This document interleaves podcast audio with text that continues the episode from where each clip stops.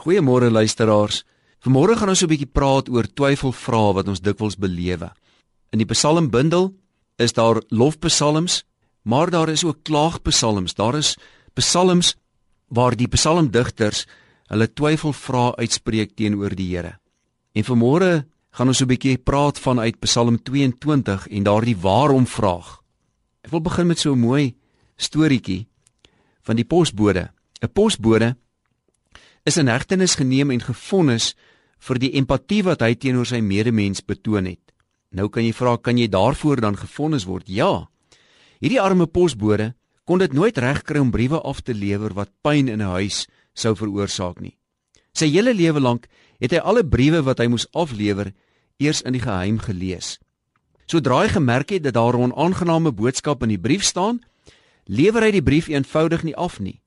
So het hy byvoorbeeld 300 belastingaanslae teruggehou, maar tog bly die belastingverpligting natuurlik staan, ongeag die onafgelewerde belastingaanslag. Al word al die roukaarte opgeskeur, die dood bly mos 'n werklikheid.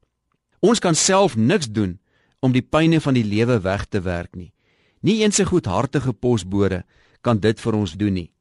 Nou ons weet die pyn en die negatiewe, die donker van die lewe is 'n werklikheid wat ons moet hanteer. Baie van ons het die afgelope tyd seker pyn belewe. Daar was dood, ernstige siekte. Ondernemings kry swaar, mense kry finansiëel swaar. Verhoudings kry swaar en ly skade. Dawid beleef in Psalm 22 sy pyn so erg dat dit vir hom voel of die Here hom verlaat het. Hy roep dag en nag na die Here en kry geen antwoord nie. Hy sien homself as 'n wurm, nie as 'n mens nie, en nie kind van God nie. Mense spot hom, hulle verag hom, hulle steek die tong uit vir hom. Niemand help hom nie. Hy het vyande wat hom tuister, wat soos 'n klomp wilde bulle hom omsingel, wat soos verskeurende brullende leeu's op hom afstorm met hulle oop bekke. Ons voel ook baie keer verlate. Ons voel in die steek gelaat deur die mense wat ons moes beskerm, deur die mense wat ons na die tyd moes ondersteun het. Ons voel deur die Here verlaat. Wat moet ons doen? Praat met God.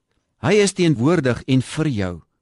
Ons mag praat oor die diepe ellende waarin ons ons dikwels bevind. Die kernmoment van ons geloof, Jesus Christus aan die kruis, was juis deur hierdie ervaring gestempel.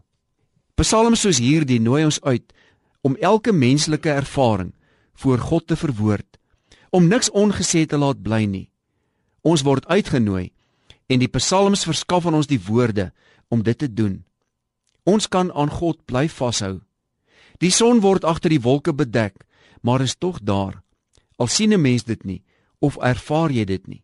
Die kuns vir ons geloof is om in jou hart die son te bly sien wat jou oë nie kan sien nie. Amen.